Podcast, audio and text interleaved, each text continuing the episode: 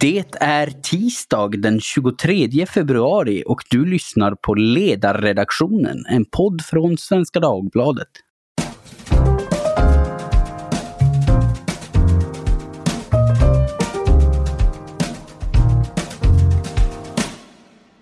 Jag heter Jesper Sandström och idag ska vi prata om spioneri. En verksamhet som pågår mest hela tiden i det tysta runt omkring oss men ibland så fastnar någon med fingrarna i syltburken och dras ut i rampljuset. Och det var vad som hände en 47-årig konsult som jobbat för Volvo Cars och Scania. Nu åtalas han för spioneri. Han misstänks ha spionerat för Rysslands räkning och greps av Säpo på en restaurang i Stockholm där han träffade en rysk diplomat som anklagas för att vara underrättelseofficer under täckmantel. Och Daniel Stenling, enhetschef för kontraspionage på Säkerhetspolisen, säger så här om ärendet. Det är viktigt att alla förstår att det här pågår här och nu och är otroligt allvarlig brottslighet som skadar Sverige och oss alla. Så därför tänkte jag att vi skulle försöka lära oss lite mer om händelsen och om det bredare ämnet. Själv är jag ingen underrättelseanalytiker utan bara en simpel ledarskribent. Det är svårt nog nog att förstå de delar av svensk inrikespolitik som sker helt i det öppna. Så det är väl något slags nästa svårighetsgrad att ge sig in på det som främmande makt gör i det fördolda. Men i syfte att begripa det här lite bättre så har jag bjudit in två i ämnet insatta gäster. Carolina Angelis, eh, tidigare verksam som underrättelseofficer inom eh, militära underrättelse och säkerhetstjänsten, MUST, och vid Försvarets radioanstalt, FRA. Idag driver hon en egen konsultfirma och utbildar organisationer och företag om informationssäkerhet. Hej Carolina! Hej! Och Patrik Oksanen, Senior Fellow vid tankesmedjan Frivärd, journalist, debattör och även kolumnist här på ledarsidan som har skrivit mycket om den här typen av frågor. Hej Patrik! Hejsan hejsan! Ja, Patrik, om vi börjar med dig. Du skriver ju en kolumn om det här i torsdagens tidning. Eh, vad är det för historia egentligen? Vad, vad är det som har hänt? Ja, det som har hänt är ju att det här är ju en, en vad man skulle, skulle kunna beskriva som en ganska klassisk eh, spionerihistoria. Vi har en person som eh, i sitt arbete eh, då sysslar med saker och ting som är av intresse för främmande makt, som man brukar beskriva det som då. Eh, och eh, då har han då bearbetats och uppvaktats under en längre tid och till sist då förmåtts att, att eh, arbeta mot betalning eh, för, för Ryska federationen. Det är vad åtalet då gör gällande. Vi ska ju tillägga då att han, han är ju inte dömd ännu. Mm. Och att eh, det här då, eh, tycker jag det mest intressanta i det här är ju ändå att avslöjandet blir ju liksom en fullträff för Säpo. Man, man kliver in och plockar den här personen och hans eh, kontaktperson, då, hans kontaktofficer, eh, på när de har ett möte och det lämnas över en stor summa pengar, 27 800 kronor. Och eh, sen så när man läser också då, för, eh, liksom då stämningsansökan så, så ser man ju också att eh, Säpo har haft bevakning på det här i två år. Så i två års tid så har Säpo följt och kartlagt och eh, eh, samlat bevis i det här. Så att det här är en, en för kontraspionaget en, en, en lyckad historia. Mm, mm. Och Carolina, du som jobbar med att utbilda organisationer och företag i hur man skyddar sig mot precis den här typen av intrång. Hur, hur gör man? Vad är det allra viktigaste att tänka på? Det är väl två delar som är väldigt viktiga i det här och det ena är ju just som du säger eh, utbildningen, eh, awareness training eller vad man vill kalla det i det här. Därför det finns en stor naivitet i Sverige fortfarande idag där man inte tror att det här är någonting som händer på riktigt. Att all Eh, spionage eller all underrättelseinhämtning bedrivs med tekniska metoder, det vill säga cyberattacker och så vidare. Så det här att, att man fortfarande rekryterar personer, individer som har access till det man vill komma åt, det är ju någonting som de flesta har svårt att tänka sig ska hända. Så utbildning och undervisning. Och den andra delen är ju naturligtvis i det proaktiva arbetet att eh, försöka eh, så långt det är möjligt att se till att man anställer och anlitar rätt personer. Och att man eh, har koll på att det inte finns sårbarheter och så vidare som skulle kunna utnyttjas av till exempel ett annat lands underrättelsetjänst. Nej. Nej, precis. Eh, ja, och, och, det är väl ofta så att främmande makt riktar in sig på personer som är på något vis utsatta och, och därför lättare att manipulera för vissa syften. Det är väl lite den historien som, som kommer fram kring den här nu åtalade mannen. Trassligt privatliv och trassligt yrkesliv. Och det, du sätter ju fingret där på en viktig sak Jesper och det, det är ju då att eh, man brukar ju säga lite, lite, lite förenklat uttryckt att den som är lycklig går inte att rekrytera som spion och landsförrädare. Det är inte som så att någon vaknar upp en morgon och bestämmer sig för att ja, nu ska jag förråda kungariket och bli spion för främmande makt. Utan det finns ju någonting i bakgrunden som gör att det finns en känsla av av eh, ja, någonting som är, är trasigt på ett eller annat sätt.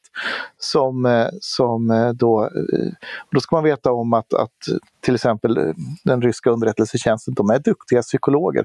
De är duktiga på att hitta de här personerna med den här typen av svagheter och de är duktiga på att bearbeta dem och trycka på rätt knappar. Eh, över, och man gör det här under mycket lång tid. Ja, Carolina, vad, eh, vad vill du säga? Jo, jag tänker att oftast så är det ju helt klart så, jag håller helt med Patrik. Det finns ju några undantag eh, som jag tycker kanske ligger, eh, vad ska man säga, det är också en sorts individ som man vill försöka identifiera för att kunna rekrytera. Och det är ju de som, som gör det av ideologiska skäl. Det behöver ju inte vara i de fallen att det är vad ska man säga, trassligt och trasigt och så, utan att man är, gör det av övertygelse. Man kanske till exempel som forskare inte anser att det är lämpligt att, att eh, den nation som man egentligen, eller ja, det land man kommer ifrån ska utveckla massförstörelsevapen. Då skulle man kunna mm. göra av det skälet och då kanske varken pengar eller, eller missnöje eller liknande eh, motiv finns med i bilden. Men oftast Nej. är det ju precis det här att det, är, det rör sig om någon, något eh, behov eller motiv. Ja, vi kan lägga till en till kategori också. Det är ju då eh, en, en särskild kategori som är sårbar. Det är ju då människor som har ett ursprung i det här landet som nu försöker då värva en, en underrättelsetillgång eller eh, så. Och eh, då att man, man har en bakgrund i det landet och man kanske har släktingar kvar i det landet. Och man hamnar då i en utpressning och beroendeställning. Mm. Eh, hjälp nu eh, ditt gamla hemland för annars så får eh, eh farbror Hans och faster Agda det väldigt besvärligt. Ja. Och det ska man också vara medveten om. Ja, men, men ni skulle säga att det, det är de tre huvudkategorierna det handlar om. Antingen liksom eh, trassel och tras i det egna eller hot och påtryckningar eller en, en ideologisk övertygelse om att nej, det är rätt att ägna sig åt det här spionaget. Det har ett högre syfte. Mm. Ja. Och, och den, den eh, högre syftet, eh, det är väl kanske inte som så att vi har så mycket hemliga massförstörelseprogram som, som kan motivera någon. Så att i svensk kontext så är den inte kanske den, den vanligaste. Nej. Nej, Men eh, Wilhelm Agrell eh, som är eh, professor emeritus i, i underrättelseanalys, han säger ju när han intervjuas eh, av TT att det här fallet låter som klippt ur en dålig spionroman och att det verkar vara ett taffligt utfört hantverk. Eh, och utifrån vad vi nu vet om fallet, eh, håller ni med om det? Och om det nu var taffligt utfört, finns det något som mannens arbetsgivare kunde eller borde ha gjort för att förhindra det? Om, om du börjar Carolina. Ja, eh, taffligt eller inte, det finns ju inte så jättemånga eh, sätt att genomföra det här på. Man behöver träffas. Alltså när man pratar om personbaserad inhämtning som det här är så behöver man ha de här mötena. Och är det då som så att till exempel, jag vet inte hur det är i det här fallet, men att, att eh, en underrättelseofficer eller rättare sagt någon från en ambassad är under övervakning så förr eller senare kommer ju den personen att träffa den som man har rekryterat eller försöker rekrytera. Mm. Och det blir ofta i en restaurangmiljö och, så vidare. Det här handlar ju om kultivering, att man behöver odla kontakten och skapa de här um, känslan av vänskapsband och lojalitet. Så det är mm. därför man har de här middagarna och så vidare. Och inte bara kan kommunicera via teknisk väg. Och Patrik, vad säger du då? Fanns det ett element av tafflighet eller är det en orättvis beskrivning? Ja, taffligt och taffligt, alltså det är ju med, med facit i hand så kan ju allting framstå som taffligt. Men fram tills de åkte fast så var det ju inte taffligt utan då var det ju en, en verksamhet som pågick. Men är det någonting man möjligtvis kan säga var taffligt från rysk sida eller väldigt lyckosamt från Säpos sida så är det ju att Säpo lyckades ha bevakning på det här från när man började 2017. Eh, man följer efter de här mötena, man spelar in filmer, bilder eh, och har koll på det här ända fram tills man väljer att kliva in och göra gripandet 2019 i februari. Och det är en ganska lång tid då som, som Säpos övervakning lyckas bevaka de här mötena utan att eh, ryssarna antingen har de inte satt in kontraövervakning eller så har den ryska kontraövervakningen inte noterat Säpos bevakning. Nej, så det har väl, det har väl lite grann i, i pressen kan jag tycka fått ett sånt narrativ att, att det ger sig lite grann ett löjets skimmer. För att det, dels, ja, men dels så säger Agrell att det var lite taffligt och klantigt och dålig spionroman men den åtalade mannen citeras också i, i Expressen GT tror jag det var som att han säger att det har varit lite hysch-hysch kring pengarna men han nekar att det skulle ha något med spioneri att göra. Så det, det ger väl en så lite klantig spionfilms-aura. Men om vi då återgår till det som Daniel Stenling, eh, enhetschef för kontraspionage hos Säpo, sa om saken. Det, det här är otroligt allvarlig brottslighet som skadar Sverige och oss alla. Och hur, hur gör man för att kommunicera allvaret i en sån här situation? Pedagogiken är ju ganska enkel om det kommer en terrorist och spränger sig i luften eller om främmande makt skjuter på oss eller hotar oss. Men att en konsult smusslar med hemliga uppgifter, det väcker inte samma instinktiva oro och fasa. Så Carolina, om du svarar, vad är det som är så allvarligt här? Eh, I det här fallet då så, så är det ju eh, mot industri, det är industrispionage som det verkar då. Eh, men sen mm. måste man ju också vara medveten om att många gånger kan olika tekniska produkter och så vidare användas i andra syften, det vill säga i, i militära produkter i förlängningen. Så mm. om man tittar på Ericsson-caset som är för snart 20 år sedan då så, så var det inom telekommunikation och den typen av system. Men det kunde också ha militära applikationer och även användas som så. Ja, och, och, i det här fallet så, så, eh, tror jag ju att eh, om, om, om jag får killgissa så, så håller jag ju med om att det är det här dual use eh, som, som det handlar om. Därför att Ryssland har ju inte någon framträdande eh, fordonsindustri på det sättet. Utan jag, jag, kan tänka mig att man har varit intresserad av lösningar och produktionssätt som på olika sätt då skulle komma den ryska försvarsindustrin till, till, till gagn och nytta. Mm, mm, jag förstår. Ja, så ska man ju också se att nu greps han här efter, vad var det, knappt två år eh, som han då har drivit som det verkar av den här ryska underrättelseofficeren. Om han inte hade gripits och hade fått fortsätta spionera för Ryssland under, säg tio år till, vilket inte hade varit omöjligt om, om man inte hade fått upp ögonen för den här eh, det här ärendet. Då hade ju han kunnat styra sig mot någon helt annan industri, till exempel mot eh, vår svenska försvarsindustri eller varför inte ett IT-konsultuppdrag i Försvarsmakten eller energiförsörjningen. Så över tid så hade det här kunnat landa även någon helt annanstans. Wilhelm Agrell, eh, professorn, säger ju också det att eh, spionaget har lite grann skiftat inriktning. Att eh, liksom förut så var man mer in, inriktad på att spionera på Försvarsmakten och militären men, men sedan kalla krigets slut så är den delen inte eh, riktigt lika intressant längre. Är det något du instämmer i Carolina eller har du, har du en annan bild? Jag skulle inte säga att eh, det inte längre är lika intressant. Men idag vet vi ju att de stora nationerna, om man säger, eh, deras underrättelsetjänster även bedriver industrispionage. Och det handlar ju om mm. att det är så otroligt stora pengar i många affärer. Det handlar också om att man kanske inte har en egen kompetens eh, eller ekonomi för att utveckla de här produkterna själva.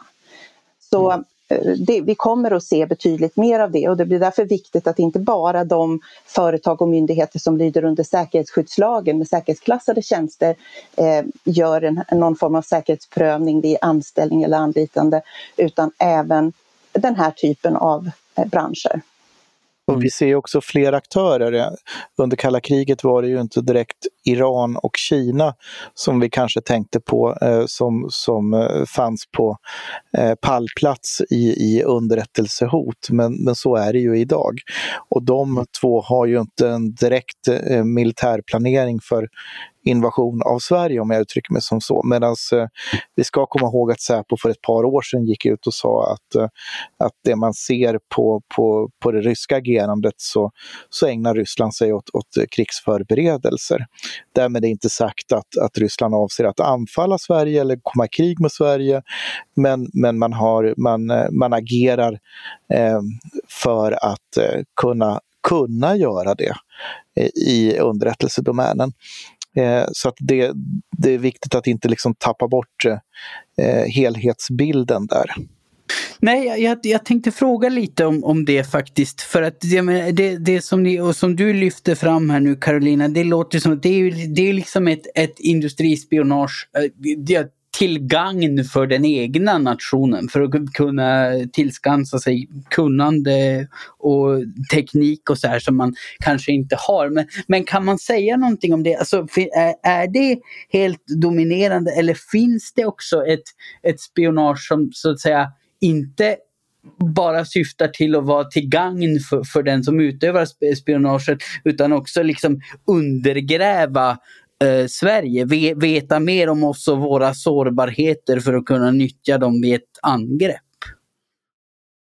Ja, helt klart. Eh, och det är ju det som Patrik är inne på här också, så krigsförberedande åtgärder. Och, och, idag så ser ju kriget annorlunda ut på många sätt än vad det gjorde tidigare. Jag tänker på gråzonsaktiviteter. Och där då till exempel en kartläggning av energiförsörjning, livsmedel, dricksvatten, kommunikationer och så vidare. Allt det här som vi är så beroende av. Mm. Det skulle kunna undergräva och även påverkan av medier naturligtvis. Mm. Och, och, där ska vi också understryka att tittar vi historiskt på det så det som gamla KGB gjorde så var det ju överväldigande andel, i alla fall enligt avhoppare från KGB, så handlade det om subversion. Eh, och mindre om spionage. Så spionage var den mindre verksamhetsdelen i, i gamla KGB. Eh, och eh, sen exakt hur fördelningen ser ut i dagens SVR, ryska utrikesunderrättelsetjänsten, eh, det låter jag vara osagt. Men, men jag vill i sammanhanget då påminna om att eh, till exempel Dagens Nyheter för några år sedan berättade om att eh, en nyhet om att SVR hade haft eh, underrättelseofficerare på plats i Sverige på eh, möten som handlade om värdlandsavtalet argumenterandes emot att Sverige skulle skriva under värdlandsavtalet. Det är ju en form av subversion. Ehm, Medan den här SVR-aktiviteten, eh, den, den, den gripne eh, diplomaten då, eller gripne, han, han hade ju diplomatisk immunitet så att han blev ju hemskickad även om det tog tre veckor för ryssarna att, att skicka hem eh, ambassadrådet eh, Umerenko. Eh, så, så är ju då den täckbefattningen ambassadrådet hade då var ju egentligen den vad han egentligen var är ju att han var chef för SVRs, eh, vad man då kallar för linje X eller linje 10, industrispionaget eh, på, på ryska ambassaden. Eh, så att han, han var en hög officer i SVR, eh, den, den personen som var den eh, den diplomat som, som greps i samband med att man plockade in den här 47-åringen. Mm, precis. Och, och, han lämnade landet kort därefter men man sa från Rysslands sida att det var för att hans förordnande hade gått ut, eller hur var det? Nej, nej kort därefter var det ju inte för att Ryssland försökte ju undvika att han åkte hem. Hans förordnande skulle ta slut under våren eh, och Eh, det tog, eh, man försökte helt enkelt undvika att han blev officiellt hemskickad eh, och, och, så. Ett sätt att eh, bedriva ett, ett politiskt psykologiskt eh, spel gentemot svenska myndigheter istället för att packa ihop och åka på en gång. Tre veckor är en väldigt lång tid när man har blivit förklarad persona non grata. Ja, ja, jo, jo det, nej, det är sant. Det, det, kan, det kan låta kvickt för en lekman, men, men i sådana här sammanhang så kanske det inte är det. Men Eh, vi, vi hade ju i mellandagarna 2020 en text om eh, spionage och dataintrång.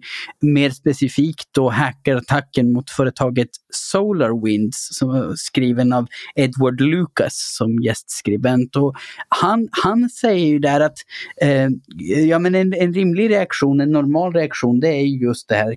Om man, om man upptäcker någon så säger man åt dem att ta sitt pick och pack och åka hem. Men han, men han menar att de eh, ilskna reaktioner och de hot på, om motangrepp som då uttalades av Joe Biden och andra amerikanska pol politiker, de är absurda, hycklande och farliga. För Lucas säger i sin text att den här sortens spionage är moraliskt neutralt. Varje land som kan stjäla hemligheter gör det. Och har han rätt i det? Måste vi liksom förhålla oss till en värld där alla då och då tar chansen och så försöka knäppa spionerna på näsan i lagom utsträckning när vi hittar dem, snarare än att aggressivt försöka förhindra varje ansats till intrång. Ja, men då, då, då, tar jag lite spjärn mot, mot den, det resonemanget.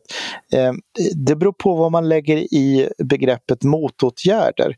Om man då tänker sig att, att vi ska per automatik vedergälla med egna offensiva cyber eh, operationer för varje intrång eller intrångsförsök så är det en sak. En annan sak är att eh, idag är ju kalkylen för angriparen på cyberdomäner eh, den är ju den är ju liksom enkel. Eh, därför att det finns ingen kostnad som plockas ut av en angripare. Eh, och, mm. och eh, risken eh, är ju då därmed väldigt låg och effekterna kan bli, bli väldigt stora. Om vi nu pratar cyberdomänen.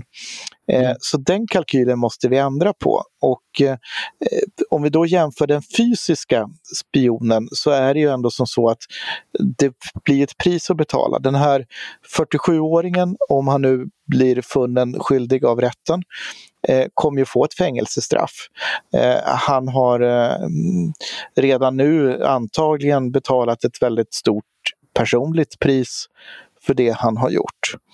Eh, och eh, den här eh, eh SVR-officeren eh, Umerenko har ju fått blivit hemskickad under, under boller och bång och eh, blivit avklädd och generad genom att, eh, att han har liksom hamnat på bild och, och blivit en del i ett offentligt gripande. Så, så att det är klart att för den personen då eh, så är det ju ingen bra merit att ha på sin meritlista att ha torskat. Så, så där finns ju ändå någon slags avskräckningsbalans som inte finns på cyberdomänen. Och den kalkylen tror jag att vi måste ändra eh, på olika sätt och plocka ut en kostnad att göra det. Ja, jag håller helt med om att det, det måste vi ändra eh, så att det blir den kostnaden. Men, men, det är också saker och ting som håller på att ändras i eh, det här. För tidigare så var det vad ska man säga, två separata spår. Man hade teknisk inhämtning, det var ett stuprör och sen hade man det här vi pratat om tidigare nu, personbaserad inhämtning, det var ett annat stuprör. Eh, idag så, så eh, är det inte vattentäta skott emellan de här två inhämtningsmetoderna och det ena hjälper andra. Och det man kan säga är att, att om man tittar tillbaka så har den här tekniska inhämtningen som till exempel cyberattacker helt klart varit det mest kostnadseffektiva sättet att bedriva informations eller underrättelseinhämtning. Och man pratar också om det här med att det inte är lika stor risk och så vidare. För kriminella hackerorganisationer så är det fortfarande det. Eh, det är också förstås ehm, eh, använt av underrättelsetjänster. Men om man tittar på en avancerad angripare, det vill säga en statlig aktör då, som inte bara har ett uppdrag att ta sig in på vilket ställe som helst utan som vill ta sig in på just det här stället och komma åt just den här informationen så blir det svårare och svårare och därmed dyrare och dyrare. Och det har att göra med att vi faktiskt blir bättre på cybersäkerhet jämfört med för ett antal år sedan. Så kostnaden ökar för varje dag, för, även för dem. Och då, det, var, det var nog lite den, den linjen Lukas drev i sin text också. Han menade att vi under allt för lång tid hade prioriterat liksom billiga och enkla system framför säkra system och att, och att vi fick betala priset för det nu och, och att eh, ja, det var det vi skulle fokusera på att åtgärda. Ja, jag tänker där också att det är ju av det skälet som personbaserad inhämtning eh, kommer att öka. Så det kommer bli en större del av vårt problem för att de ska komma åt vår verksamhet. Mm, mm, precis, för, för man täpper igen hålen för den tekniska. Ja, ja och, och där är det som så att därför blir det också så viktigt att, att ha en lojalitet och en, en, en ha säkerställt att man vet vem är det som stoppar in grejer i systemet. Eh. Vem är det som har tillgång till att komma in med en USB-sticka och stoppa in? Vem är det som, som är där och rör sig och vad har den personen för lojaliteter? Eh, och vad har den personen för risker i sin, sin bakgrund? Och Det här gör ju liksom att, att eh, jag tror att nu när, när eh, säkerhetsbedömningar görs mer och mer och man blir mer och mer medveten om det, också kommer att få en hel del reaktioner med, med folk som inte förstår varför de inte har fått säkerhetsklassning, där de inte kan förstå att de har risker i sina beteenden eller i sin närmiljö. Det behöver inte ens handla om dig själv utan att du kan ju ha en nära släkting som, som utgör en risk som man kan då använda för att komma åt dig, som inte ja. får säkerhetsklassning. Ja, eh, ja, det är väl lite grann inbyggt i situationen så att säga. Att, att de, om, om det nu gäller en själv också så kan det väl vara så att om man har ett, ett risk, riskbeteende eller risker i sitt privatliv så är väl en, en del i risken just det att man inte, kanske inte själv är medveten om det och, och hur, det, hur det utgör en, en risk för påtryckning. För hade man varit fullt medveten då hade man kanske dragit öronen åt sig och inte gått och lunchat med eh, en random ryss. Ja, och, och, det där är ju, ska man ju också komma ihåg om att de här, alltså om vi pratar rekrytering, eh, så, så, är det ju inte en, en, en, en, om man uttrycker sig lite slarvigt, en random ryss som man brukar gå och äta lunch med, utan att eh, först så har man ju då eh, gjort, alltså om vi, om vi backar bandet så det första som händer det är då att, om vi då pratar Ryssland, Moskva har satt upp ett mål. Eh, mm. Man vill uppnå någonting. Och sedan så gör man aktiviteter för att uppnå det målet. Och man kanske har bestämt sig för att man vill, vill veta mer eller ha tillgång eller insyn i, i, i någonting som finns i svensk industri. Ja, då börjar man en kartläggning. Vad finns det för personer som har den insynen? Och vilka skulle kunna då vara lämpliga att börja närma sig. Och när man då har identifierat några sådana, då skräddarsyr man ett närmande som, som inte ska väcka misstankar. Eh, så, så, det är inte som så att det dyker upp en, en, en, en, en kille eh, i trenchcoat eh, som pratar dålig svenska som, som säger vi vill betala dig för att du ska göra. Eh, det är inte så det går till. Nej, nej precis. Nej, det är bra om vi kan bryta oss ur det här dåliga spionfilmsnarrativet kanske. Eh, Carolina? Mm. Jag, jag, tänker på det här som du pratade om här Patrik, då, eh, och målsökningen när man ska identifiera personer, vem som har access till den här informationen. Idag, man har ju internet som ett smörgåsbord, sociala medier är som ett smörgåsbord idag. Man kan gå till LinkedIn för att se vilka som jobbar på ett visst företag, en viss avdelning, har rätt utbildning och troligen jobbar i det systemet systemet eller med den produkten man vill åt. Eh, och sen då alla övriga sociala medier som Facebook och, och Instagram och allt vad det är idag. Där, där, vi visar upp vårt privata liv, våra intressen, familjesituation, eh, vänkrets, personlighet och var vi står i olika frågor. All den här informationen är eh, av vikt, den är värdefull när man ska göra det här som, som Patrik pratar om, att eh, skräddarsy en kontakttagning så att den känns slumpmässig eh, och eh, trevlig och harmlös till att börja med. Ja, Eh, ja, det där, är ju, det där är ju intressant och det är ju kanske någonting man behöver jobba med att göra människor mer medvetna om. För jag kan ju i, i mitt eget liv, nu har jag inte någonsin, vad jag vet i alla fall, varit föremål för en underrättelseoperation. Men jag har däremot eh, lärt känna folk på internet som, som ren eh, fritidssysselsättning har ty, tyckt mycket om och liksom se hur mycket de kan ta reda på en person bara genom att liksom granska offentliga källor. Och det där är nästan lite kusligt för man, man kan ju liksom, alltså en vanlig, vanlig hobbyist hemma i Säffle kan ju klura ut saker om en som, som man kanske inte trodde låg ute i det öppna men genom att, att liksom dra streck mellan punkterna och pussla ihop en bild. Så att... Ja, och här, här kommer vi in på ett annat område och det är ju vad laddar du ner i din telefon? Vad laddar du ner för appar? Eh, och eh, här har ju då statsaktörer eh, som till exempel Kina enorma möjligheter att bygga data utifrån att man kan plocka in eh, användardata och kontakt och beteenden och så vidare och så vidare eh, genom eh, olika typer av appar som människor laddar ner helt frivilligt.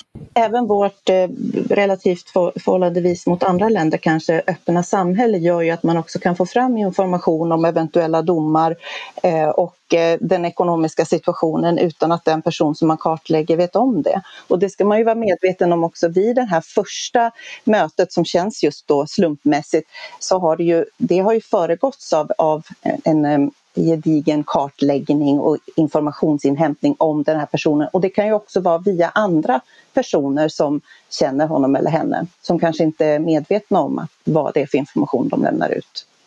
Nej. Nej, Nej det, det, är många, många hål att täppa till. Det, vi skulle kunna prata om det här i många timmar men eh, nu har vi passerat halvtimmesstrecket så med de orden så börjar det väl vara dags att avrunda för idag. Eh, så jag får säga stort tack till Carolina Angelis och Patrik Oksanen. Det har varit en lärorik stund för mig och förhoppningsvis också för alla lyssnare. Och tack säger jag även till alla dessa lyssnare. Som jag så många gånger har sagt så får ni recensera oss på Apple Podcasts hemskt gärna. Det fyller oss med omåttlig glädje och hjälper fler att hitta till podden så får vi hit fler intressanta gäster också. Och och om du vill tipsa om ämnen, hylla oss eller klaga på oss eller om du kanske kommer från en främmande makt och vill testa att utsätta oss för en så kallad nätfiskeattack. Då gör du det enklast på ledarsidan svd.se. Men vi har god koll på vår informationssäkerhet så vi lär inte trilla dit. Producent, det är som vanligt jag, Jesper Sandström och vi hörs med eh, all sannolikhet i nästa vecka. Resten av veckan får du njuta av mina kollegor, bland annat Mattias Svensson som ska prata om banjoliberalism. Det var väl en helt okej okay cliffhanger. Ta hand om er och bidra så gott ni kan till minskad smittspridning. Adjö!